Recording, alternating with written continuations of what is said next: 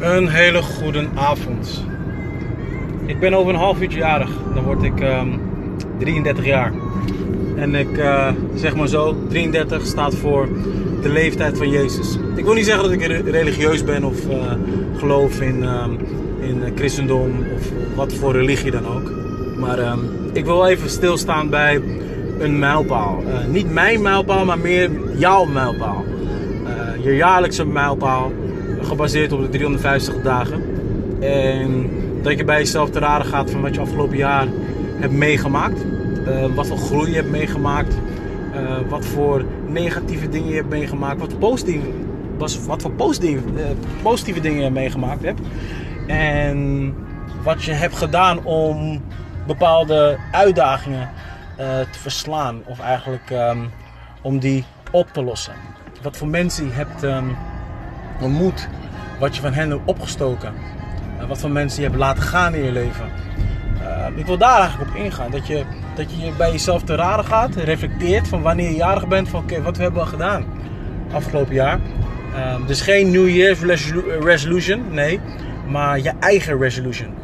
Eh, dat je bij wijze van spreken. eh, zodra je een nieuwe leeftijd mag aannemen. Dat je voor jezelf te raden gaat van oké, dit wil ik bereiken. Eh, dit heb ik bereikt. En eh, wat heb ik precies gedaan? Hoe heb ik het eh, gedaan?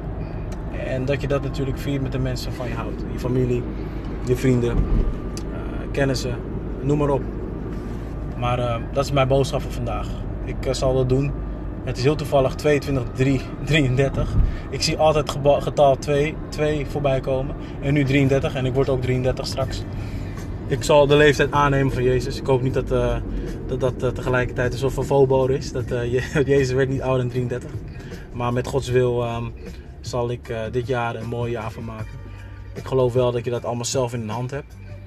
Gebaseerd op je eigen gemoedstoestand, op je eigen mindset. In dat geval je eigen positieve mindset. Dat je er iets moois van kan maken. Laat je vooral niet gek maken door de naysayers.